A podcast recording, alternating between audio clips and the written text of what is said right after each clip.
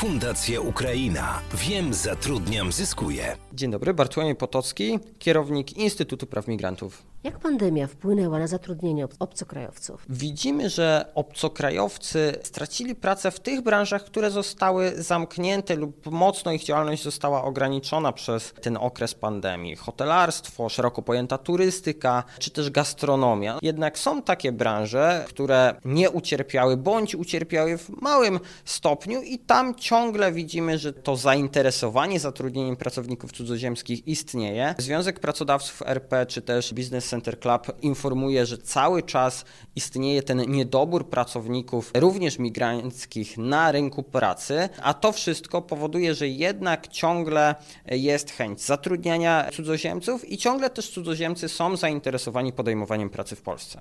Dzień dobry, radca prawny Katarzyna Cielińska-Januszkiewicz, Okręgowa Izba Radców Prawnych we Wrocławiu. Jeżeli chodzi o Dolny Śląsk, to tutaj można wskazać, że od sierpnia 2020 roku Urząd Wojewódzki ułatwił możliwość składania wniosków. Została otwarta tak zwana infolinia, gdzie cudzoziemcy mogą zadzwonić i zarezerwować sobie wizytę na złożenie wniosku i legalizację tego pobytu. Można się dodzwonić, można uzyskać taki termin, można przyjść i to funkcjonuje? Z tego, co zaobserwowałam z praktyki mojej, tak funkcjonuje to. Widać, że cudzoziemcy sami przychodzą przychodzą do urzędu i legalizują pobyt, ale też również z pełnomocnikami. Także jest ciężko dodzwonić się, wiadomo, bo bardzo dużo osób dzwoni. Godziny pracy infolinii też są ograniczone, ale myślę, że jest to ułatwione w porównaniu do tego, co było przed pandemią. A jeśli chodzi o uzyskiwanie legalności pobytu, jak e, pandemia na to wpływa? Cały czas obowiązują nas tarcze antykryzysowe, więc jeżeli ktoś od początku pandemii w zeszłym roku, czyli już ponad rok, bo 14 marca 2020 roku posiadał legalne prawo do pobytu na terytorium Polski, to to prawo pobytowe zostało przedłużone na cały okres stanu epidemii i stanu zagrożenia epidemicznego, więc cały czas tak naprawdę te prawa pobytowe się przedłużają, dlatego z tym nie ma jakiegoś gigantycznego problemu. A z nowymi przyjeżdżającymi teraz na przykład? Jak jest? Urzędy co do zasady starają się działać w tym nowym e, pandemicznym rygorze, więc wydają nowe zezwolenia pobytowe, zezwolenia też do pracy, więc można powiedzieć, że ta sytuacja nie jest tragiczna, chociaż faktycznie ten kontakt jest utrudniony bo obwarowany tymi naszymi pandemicznymi tutaj ograniczeniami. Fundacja Ukraina. Wiem, zatrudniam, zyskuję. Co to są wizy ministerialne? Tutaj akurat chodzi o zmianę, zmianę z początku lutego tego roku, która dała możliwość wydawania wiz cudzoziemcom przez ministra spraw zagranicznych. Do tej pory możliwość wydawania wiz miał jedynie konsul Rzeczpospolitej poza granicami Polski, ewentualnie komendant oddziału Straży Granicznej. Zostało to wprowadzone głównie ze względu na obywateli Białorusi, ponieważ w tym momencie akurat dosyć mocno została ograniczona obsługa konsularna właśnie Polski na terenie Białorusi, a ciągle jest zainteresowanie wśród Białorusinów przyjazdem do Polski, więc żeby w jakikolwiek sposób wspomóc te szczątkowe siły konsularne, które pozostały na Białorusi, to właśnie wprowadzono taką zmianę. Nie wiemy, jak do końca będzie to funkcjonować, ale właśnie taki był cel i zamiar. A wizy humanitarne? Wizy humanitarne to jest taki specjalny rodzaj wiz, który dawał możliwość ze względu na interes Polski i akurat tutaj konieczność pomocy humanitarnej cudzoziemcowi na przyjazd do Polski. Taką wizę może wydać zarówno Straż Graniczna, jak i konsulowie. Kiedyś z niej korzystano stosunkowo rzadko w przypadku na przykład jakichś klęsk żywiołowych w innych krajach, czy też jakiejś konieczności leczenia cudzoziemca.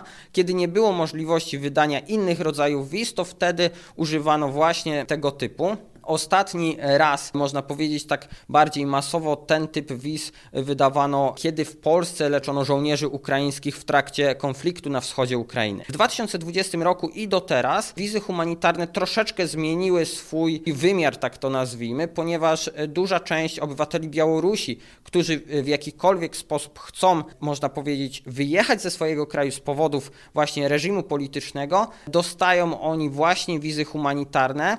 E, nie potrzebują te osoby leczenia, więc w tym momencie te wizy przeobraziły się w coś pomiędzy pobytem migranta ekonomicznego a ochroną międzynarodową. W ostatnim czasie pojawił się nowy formularz zaproszenia dla cudzoziemców. Czym on się różni? Jak on wygląda? Nowy formularz obowiązuje dokładnie od 24 lutego 2021 roku. On tak naprawdę różni się tylko i wyłącznie zmienionym dziennikiem ustaw i pouczeniem. Tak naprawdę nie ma żadnych innych zmian, jeżeli chodzi o dane, które cudzoziemiec musi w tym formularzu podać.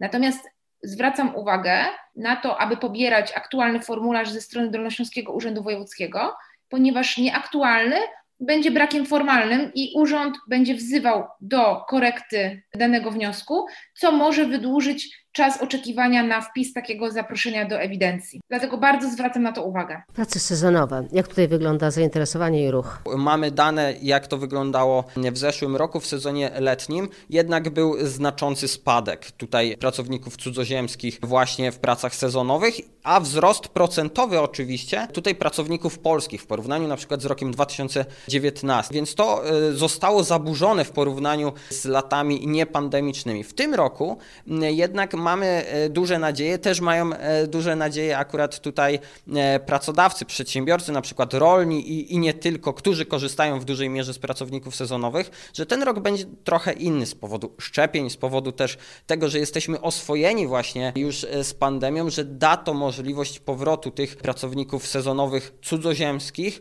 ponieważ są oni potrzebni do właśnie, zwłaszcza tutaj zbiorów tych intensywnych porach e, roku. Więc, więc tutaj mamy nadzieję, że ten rok będzie już trochę inny niż ubiegły. Pracownicy przyjeżdżający do nas za wschodniej granicy muszą odbyć kwarantannę, ale na Ukrainie choćby e, tak samo są szczepienia już prowadzone jak i u nas. Czy te szczepienia wykonane tam będą zwalniały na przykład ich e, z kwarantanny? Ogólnie rzecz biorąc, tak. W tym momencie Ukraina największą partię szczepionek, która kupiła, to jest tak naprawdę wytwarzana w Indiach, ale wariant szczepionki AstraZeneca, więc jak najbardziej te szczepionki tak. Nie mamy tak naprawdę informacji, co będzie ze szczepionkami wytwarzanymi w Chinach i wytwarzanymi w Rosji. Ukraina w tym momencie nie deklaruje zamiaru zakupu szczepionki rosyjskiej, ale jest e, deklaracja chęci akurat zakupu szczepionki chińskiej. Nie wiemy, jak Komisja Europejska Europejska, a w związku z tym też jak Polska będzie podchodzić do właśnie tych szczepień tymi szczepionkami, ale prawdopodobnie będą one uznawane. Ale trzeba pamiętać, że właśnie po raz kolejny ten lockdown uderza w tą część pracowników, która jednak pracuje na tych niestabilnych formach zatrudnienia.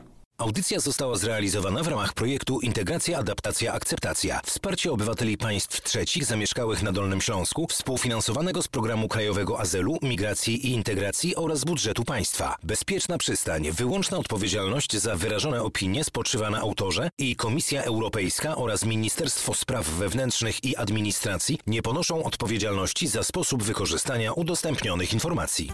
Fundacja Ukraina. Wiem, zatrudniam, zyskuję.